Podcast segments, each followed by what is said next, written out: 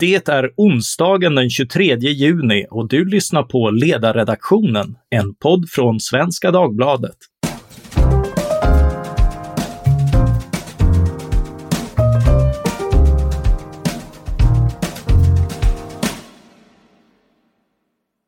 Jag heter Mattias Svensson och dagens ämne är kulturkriget i Sverige. Med mig har jag en motvilligt rekryterad krigskorrespondent, Andreas Johansson Heinö, statsvetare, fristående kolumnist i Borås Tidning och Dagens Nyheter samt förläggare vid Timbro förlag, som är aktuell med boken Anteckningar från kulturkriget. Välkommen Andreas! Tack så mycket! Låt mig börja med frågan, vad är kulturkriget? Ja, det är ju det är ju till synes en enkel fråga som man kan komplicera, men om man gör det väldigt torrt och fyrkantigt skulle jag säga att kulturkriget är ju politisk konflikt längs det som samhällsvetarna kallar för den kulturella värderingsdimensionen. Det vill säga om man tänker att vänster-högerskalan fångar upp konflikt i materiella frågor så är kulturkriget konflikt om kultur, värderingar, religion, sexualitet, kön och så vidare. Och det är alltifrån eh, klipp i Kalle Anka på eh, inför, inför eh, julafton till eh, migrationspolitikens utformning. Ja, precis. Det är högt och lågt, stort och smått, eh, som jag tycker ryms under det här. Eh, det är lite en av tesen i boken också, att de här eh, till synes väldigt simpla debatterna om eh, helgskinkor eller skolavslutningar, att de egentligen under ytan handlar om väldigt grundläggande principiella frågor. Ja, det var lite grann det jag tänkte komma till. En av dina teser i boken är just att det inte finns någon neutralitet och att det inte heller är frågor som kan avfärdas som, som oviktiga eller, eller liksom eh, överkänsliga eh, per, per se. Eh, kan du utveckla det där? Ja, eh, det är lite där jag tar avstamp. Eh, jag börjar med några citat som jag tycker fångar, fångar attityden hos många av oss som är med i samhällsdebatten att eh, kulturkriget det är eh, en distraktion, det är en konstruerad konflikt, den är inte på riktigt, det är lättviktigt, det är andra eller tredje rangens frågor och sådär. Eh, och jag kan förstå den eh, ingången. Jag har säkert själv skrivit sådana tweets ibland och du har säkert också gjort det. Oh ja, jag är mycket skyldig. till det mesta. Eh, för det man känner ju sådär ibland att när, när, när Kristdemokraterna ska göra politik av att uh, helgskinka och säga det här, och så kan man tycka att vad håller de på med? Men, men jag försöker då sätta på mig de här eh, samhällsvetarglasögonen och konstatera att jo, det är nog faktiskt så att det här är i grund och botten väldigt viktiga frågor som det här bara blir enkla symboler för. Det handlar alltså om, om eh, vilken plats ska religionen ha i offentligheten? Det handlar om vems normer ska egentligen gälla i samhället? Ska minoriteter tvingas anpassa sig eller ska vi ha ett samhälle där man uppmuntrar minoriteter att vara annorlunda? Det, det är ju och då kommer man in på det här hur migrationspolitik och jämställdhetspolitik och annat ska utformas. Och det här med neutralitet och känslighet som du säger, det, det är också en parallell då att man, det är lätt att avfärda det här som att det är en, folk blir känsliga för att ja, om någon säger hen så blir en annan person kränkt över det. Um, och kulturkriget är full av sådana här konflikter där för många av oss de är helt obegripliga. Uh, för den som inte förstår varför man kan bli kränkt av en karikatyr så, så är det ju väldigt svårt att ens föra en debatt. För det, det, förutsättningarna är så annorlunda. Men, men den som upplever det som en kränkning eh, kan ju känna att den frågan är mer central än någonting annat. Det är trams som skatterna ska höjas eller sänkas så länge man lever i ett samhälle där majoriteten förnedrar ens egen kultur eller identitet. Ja, det är lite grann eh, det här, kan, kan, man inte, kan man inte ändå tycka bara att eh, nej men lev och låt leva, eh, alla får väl ha sin tro men, men inte trycka den på andra. Hur svårt kan det vara? Ja, det är ju min magkänsla och det är väl där jag landar också via omvägen av 200 sidors resonerande kring det här. Att det, jag startar som och slutar som en liberal som försöker förhålla sig till de här frågorna.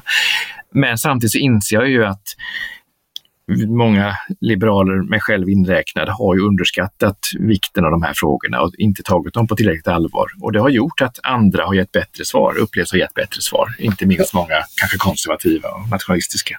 Du, du går ju också in på ett par exempel där det här inte riktigt håller. Till exempel eh, religionen, eh, religionsfriheten, att religion aldrig bara kan vara en privatsak därför att det är något man utövar i offentligheten ihop med andra med en tillhörighet som, som tar plats. Och, och då blir det ofrånkomligt en fråga, vilken plats och hur? Ja.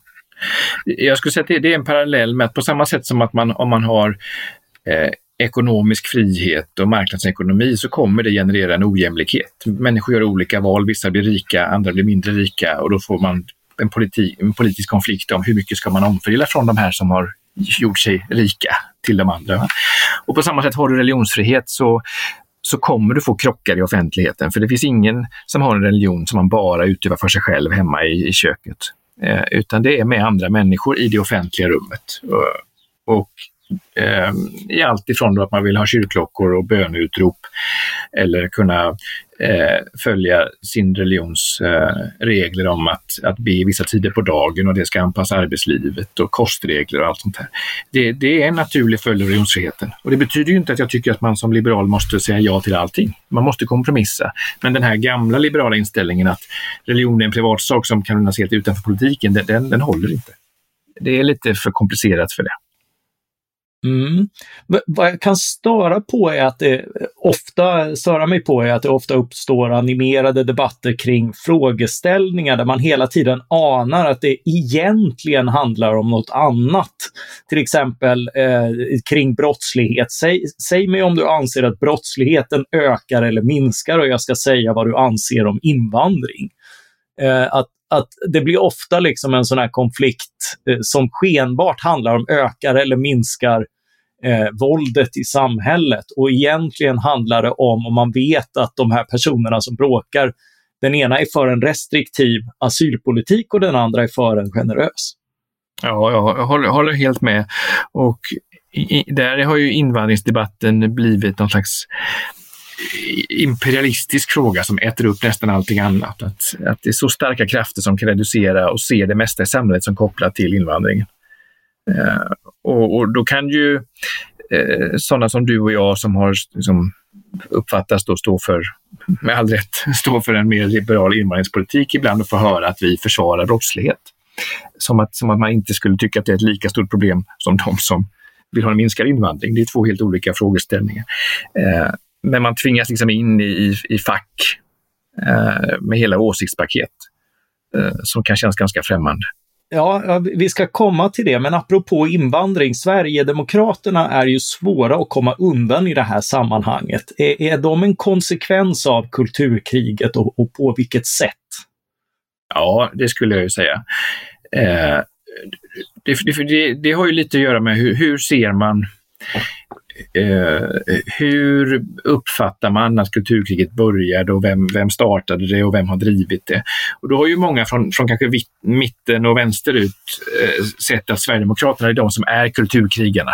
Det är de som gör politik av de här frågorna och, och det gynnar dem och man borde egentligen prata om annat. Det har ju varit en, en, eh, ganska vanlig inställning under många år nu.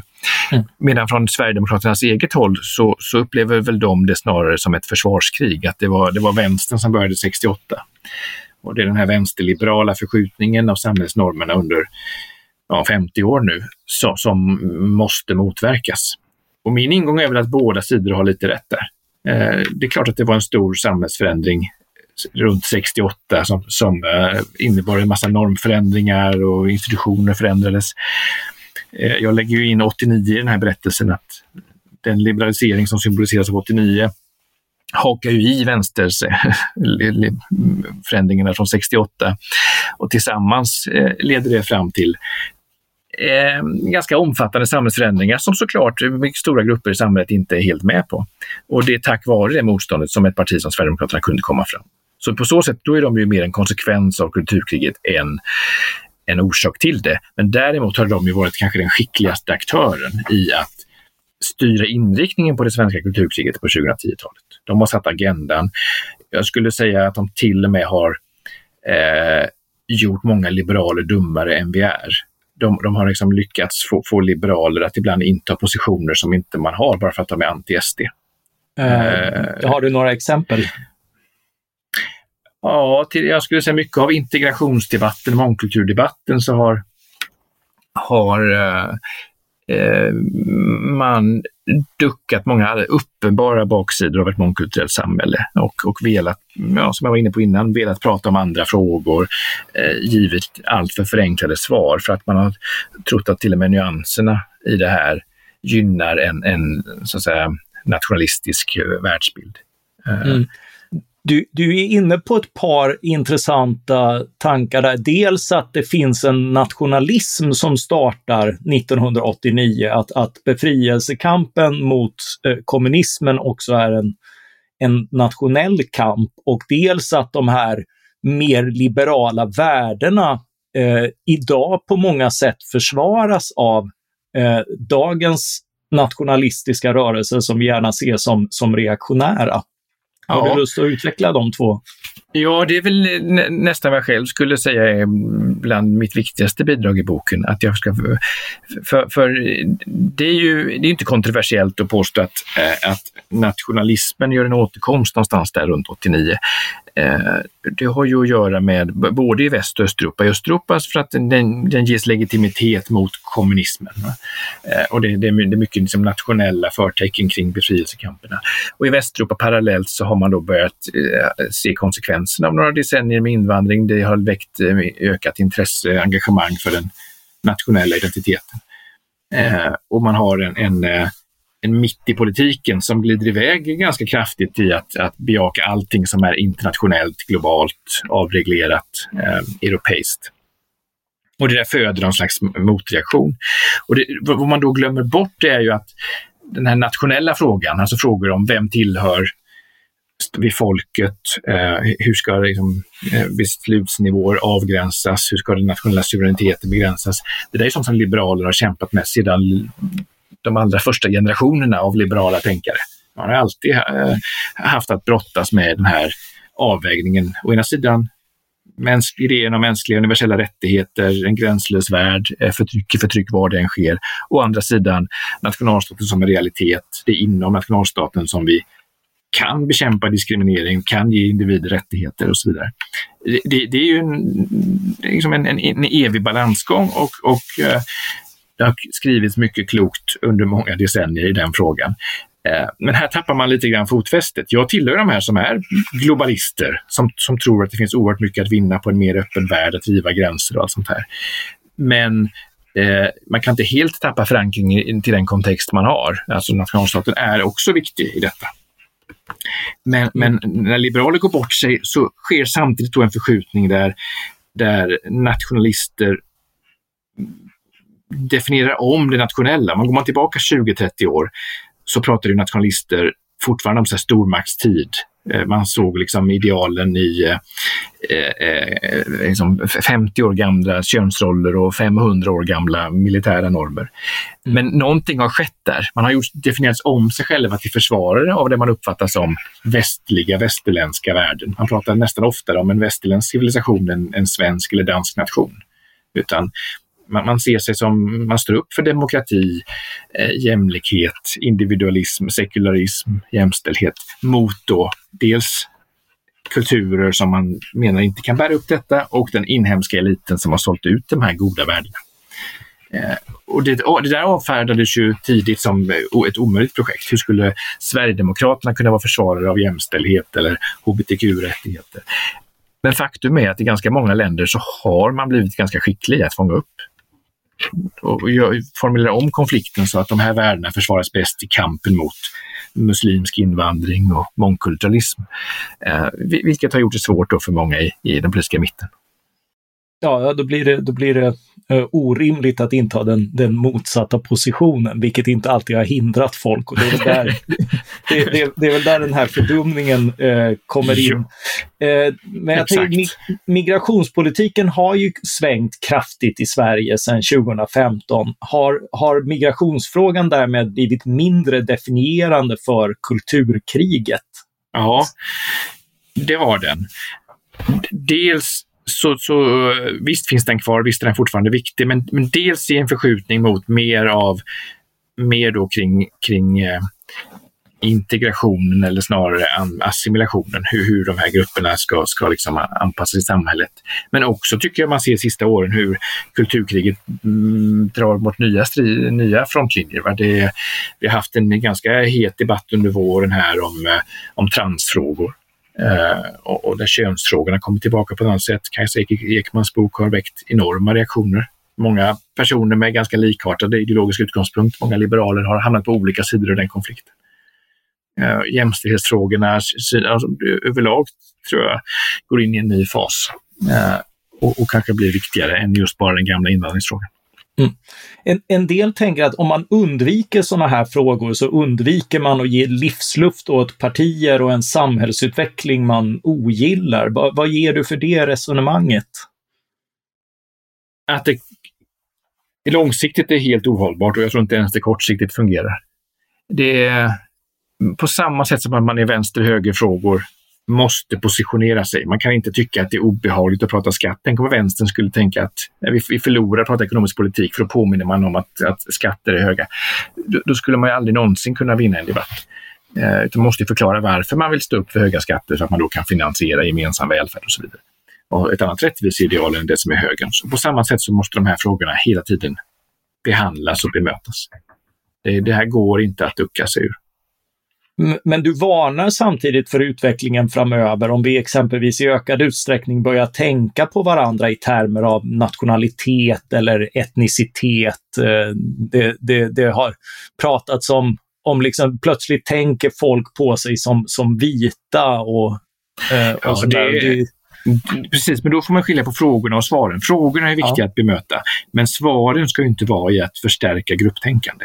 Det är ju en livsfarlig utveckling. Jag tar ju upp några, jag skriver en del om Jugoslavien till exempel i, i boken och de erfarenheterna vi borde ha lärt av vad som skedde i Jugoslavien hur vi lever liksom i en världsbild nu där det blev krig i Jugoslavien på grund av att serber och kroater och muslimer var olika. Och man tänker bort då att serber och och muslimer levde fredligt i decennier och sen så kom det mobilisering kring nationalismen som sa att ni, ni hör inte ihop, ni är fiender till varandra. Det är ju den idén som måste bekämpas. Eh, men, men det gör man ju och Jugoslavien hade naturligtvis massa brister i hur man hanterar den där mångfalden tidigare. Det finns en lång komplicerad historia. Men, men eh, nu har vi liksom både från vänster och höger eh, ett anammande av ett identitetstänkande. Vänster som du säger börjar prata om raser igen i vissa fall. Eh, och, och till höger pratar man om svenskhet på ett sätt som är påminner också om i boken, ganska ohistoriskt. Det, det, det är någonting nytt det här att svenskheten ska lyftas fram på det sätt som, som gjorts senaste decenniet i termer av gemensam värdegrund och så. Det, det, här har ju att göra med identitetspolitik, en annan sån där vanlig term som kanske mår bra av att definieras och, och det är ännu en sak du menar att vi inte kommer undan. Nej, i, det, det, precis som du säger, det beror lite på hur man definierar det. Om man med identitetspolitik menar så grupptänkande och de åtgärder som förespråkas från vänsterhåll så eller från Sverigedemokratiskt håll, då, då, är det skadligt. Men i betydelsen av att identitet är en legitim grund för politik, då tror jag det är oundvikligt. Eh, alltså, idé, idé, idé är det centrala i politiken. Va? Att vi tror mm. på ideologier, perspektiv, argument. Men vi har också en politik som, som är ren intressebaserad. Eh, plånboksfrågor det är också legitimt. Men på samma sätt så spelar identitet roll. Att, att man vill få sin eh, grupptillhörighet eller sin tro, eh, sin identitet bekräftad på något sätt. Eh, och framförallt om man upplever att samhället inte gör det så blir det en politisk fråga. Om man som minoritet känner att man hela tiden blir marginaliserad eller så, då, då, då är det också en legitim grund. Annars hade vi inte fått eh, menar, hela hbtq-rörelsens historia är ju identitetspolitisk. Att säga att vi som minoritet måste få likvärdiga rättigheter. Eh. Ja, i många fall handlar det ju om en, en kamp för att få vara individ, att inte bli utdömd och stämplad som en grupp. Ja, och det är det som är skillnaden mellan en, en, en liberal och en konservativ kritik av detta. Att en, en, en liberal kritik av identitetspolitik, den, den har ju individen i centrum. Och då kan man ju vara kritisk både mot ett, ett, ett grupptänkande som låser fast minoriteter i en viss grupptillhörighet eller mot ett, ett nationalistiskt berättande som, som, som återigen sätter kollektivet först. Medan den konservativa kritiken är ju ensidig där. Den har inga problem med den, utan tvärtom vill ju stärka den, den nationella identiteten, men samtidigt försvaga då minoritetsidentiteterna. Ja, eh, och, och, det är ju lite, lite grann en sån här Ehm, alltså att, att vara en individ, att, få, att få vara sin egen är ju lite grann att, eh, att, att plocka ihop av allt det här, inte att förneka det, för det blir bara en, då blir ju, eh, då blir vi ju alla lika i ett anonymt eh, individualiserat kollektiv istället eftersom vi inte har några egenskaper kring som är personliga, som är vår läggning, som är vårt ursprung, som, som är vårt kön och så vidare. Nej, och där, där, där har vi den här väldigt tramsiga hamngubben av eh, oss liberaler, säger jag då, som, som att vi skulle försvara någon slags samhällsideal där människor inte kan ingå i kollektiv. Det har vi ja. ju inga problem med så länge det är frivilligt eh, och att det finns vägar ut och in i de här gemenskaperna. Eh, och det kanske lite kan vara självförvållat, att man har underskattat eh, ändå vikten eller betydelsen av att prata om de här frågorna. Eh, men det, nu är det ganska bråttom tror jag att formulera begripliga och sammanhängande liberala svar på de här frågorna. Mm. Krig förs ju med fördel mellan tydligt definierade parter. Man, man är tryggare i en skyttegrav bland kamrater. Men du tar dig an många frågor som mångkultur till exempel eller identitetspolitik med, med, förståelse för men även kritik mot båda sidor och då står du ju lite grann i, i mitten av slagfältet och blir skjuten på av båda personer. Ja, så har det ju upplevts. Eller båda sidor. ja, för, ja det, det, det Eh, jag har väl eh, hållit på och sådär, eh, varit någon slags deltagare i den här debatten i lite mer än tio år. Första halvan så kom det absolut mest eld från vänsterhåll. Då, då var ju eh, eh då, då, var ju det väldigt suspekt att, att ens diskutera konsekvenser av invandring. Det var ju tecken, det var ju uttryck för att man egentligen skulle vara, vilja begränsa invandring och mångkultur och sen vände det där någonstans runt 2015 och nu blev väl snarare minst lika ofta beskjuten från höger. Just för att jag inte tar det här oreserverade avståndet från all form av identitetspolitik. Ja, du, du är en av få personer som inte har haft någon tydlig roll i det här kulturkriget, eller du har rättare sagt placerats i båda läger. Du, du har som förläggare publicerat böcker av Ivar Arpi och Adam Sveiman till exempel, som du senare har polemiserat mot i debatten. Blir man placerad eller placerar man sig själv i den här konflikten? Ja, I mitt fall har jag nog blivit placerad betydligt mer än vad jag eh, och det, är min, min, det har väl lite med min bakgrund att göra. Jag kommer inte in i det. Jag har liksom ingen partipolitisk bakgrund. Eh, jag satt ju tryggt i, i elfenbenstornet på universitetet i några år innan jag insåg att det ändå vore roligt att, att skriva för en, en allmänhet och, och nå ut med mina resonemang lite mer. Och, och då eh, var jag väl ganska naiv inför vad det innebar att försöka skriva nyanserade texter i laddade frågor. Va? Man direkt hamnar i den här skottlinjen. Um, och sen har jag heller aldrig, um, du nämner Ivar och Adam, det är ju liksom goda vänner som, som, ja. som jag uh, med glädje har varit förläggare till och jag tycker det på samma sätt som man kan sitta på krogen och tjafsa över en öl kan man skriva ledtexter när man ger sig på varandra ibland. Jag har aldrig tänkt det här som någonting personligt. Eh, mm. Politik har aldrig varit det viktigaste för mig. Utan eh, det, sånt, sånt kan man bråka om och gilla varandra ändå. Eh, och det har varit väldigt ja, kul ja, på Timbro det... just att man har eh, liksom, det är ett helt gäng personer där som kanske har svårt att prata med varandra, men som jag har haft väldigt kul med. Både vänsterliberaler och mer konservativa. Ja, men jag, jag håller, ju, eh, håller ju helt med här. Just, just den här diskussionen blir väldigt träiga om alla ska hålla med varandra. Eh, men det har ju varit, det har blivit rätt mycket av, av lag lagspel i den här ja. frågan. Det är, en, det är en påtaglig utveckling som jag på alla sätt ser som en försämring. Jag tror vi alla blir dummare av, av att tänka det här grupptänkandet och börja ogilla varandra för vissa åsikter och så. Det, det är jätteskadligt. Mm, eh, jag tänker lite grann eh, kring, kring det här. Eh, en, en, annan fundering utifrån din eh, bok är, borde vi inte ha kulturkrig på fler områden? Ja. Eh, varför har vi inte ett kulturkrig om jakten på rökare och tobak till exempel? Inte ens när rökning förbjuds på uteserveringar blir det några större protester och, och just nu förväntas folk dricka upp sin sista öl och gå hem med en kvart kvar av de sena EM-matcherna det är ju liksom ett ingrepp i, i liksom identitet och person och sådär. Men, men ingen har liksom kört den här kränkthetsvalsen och blivit rasande. Alltså det, det, det, det tramsiga svaret som möjligen har en poäng, det är ju att säga att det här är så svårt att koppla till islamiseringen. Så, för då, då, då finns inte den här vanliga fiendebilden. Vem ska man vara arg på? Mm. Um, men jag kan ju känna som du där, att, att uh, det där borde väl väcka minst lika mycket engagemang.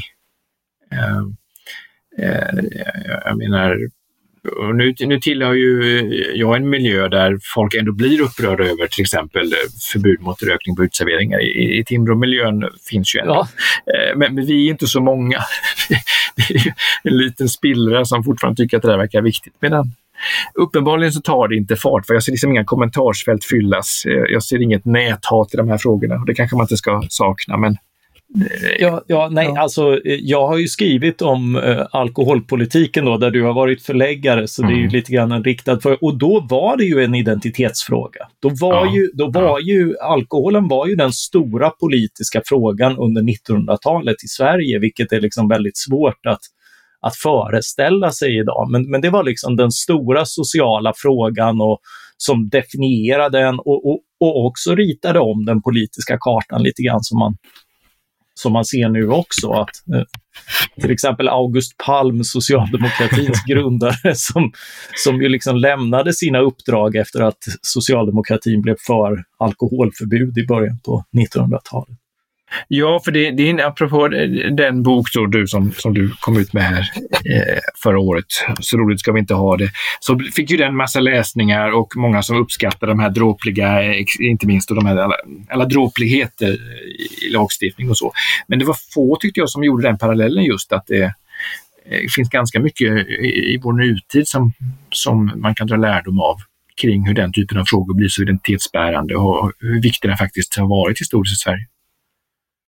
Ja, och, och, andra förändringar sker, sker mer tyst och obemärkt. Du, du tar upp en svensk normförändring som eh, så här i sommartider kan noteras. Den som går ner på en badstrand kommer inte att se samma sak som på 1980-talet när man gick ner på samma badstrand. Eh, utan synen på inte minst nakna kvinnobröst har förändrats och, och, du har dessutom hittat en eh, uppseendeväckande frigjord skrift kring hur förskolor ska hantera nakenhet och sexualitet med, ja. med eh, inklusive personalens eh, nakenhet i, i denna miljö.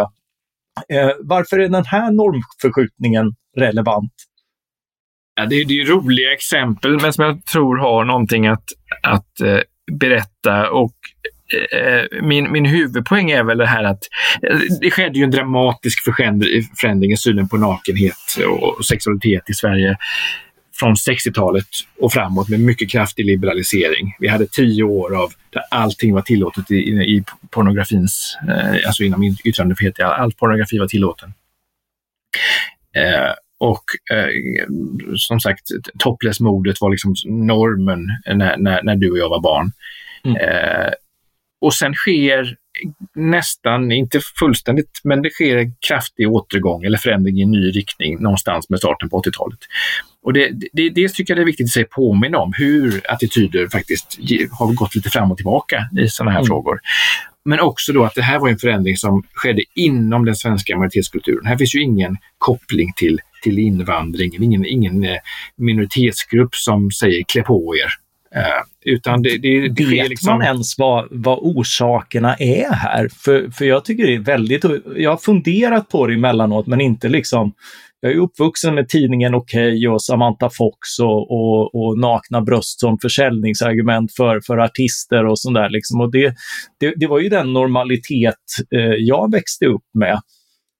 Ja, det var det. Vi, vi är ungefär lika gamla, så vi har samma minnesbilder där. Nej, jag vet inte om det har gjorts någon liksom mer seriös forskning kring, kring orsakerna där lite grann tror jag det finns en pendelrörelse i det. När någonting, om, man, om man ser till exempel pornografin där så var det uppenbart att det fanns baksidor av att allt var tillåtet med, med, med barnporr till exempel. Ja, ja, en det, det, ganska legitim motreaktion. Eh, och, men sen, sen har vi den här pedofilhysterin som slår igenom i Sverige sent 80-tal. Eh, där där eh, allting kring barn blir oerhört laddat eh, under några år. Mm. Eh, eh, men, men men däremot den här mer, så säga, var, varför det plötsligt är så helt normal nakenhet på vuxna människor, att den attityden kunde förändras så pass kraftigt, så pass fort, det, det har jag heller inget bra svar på.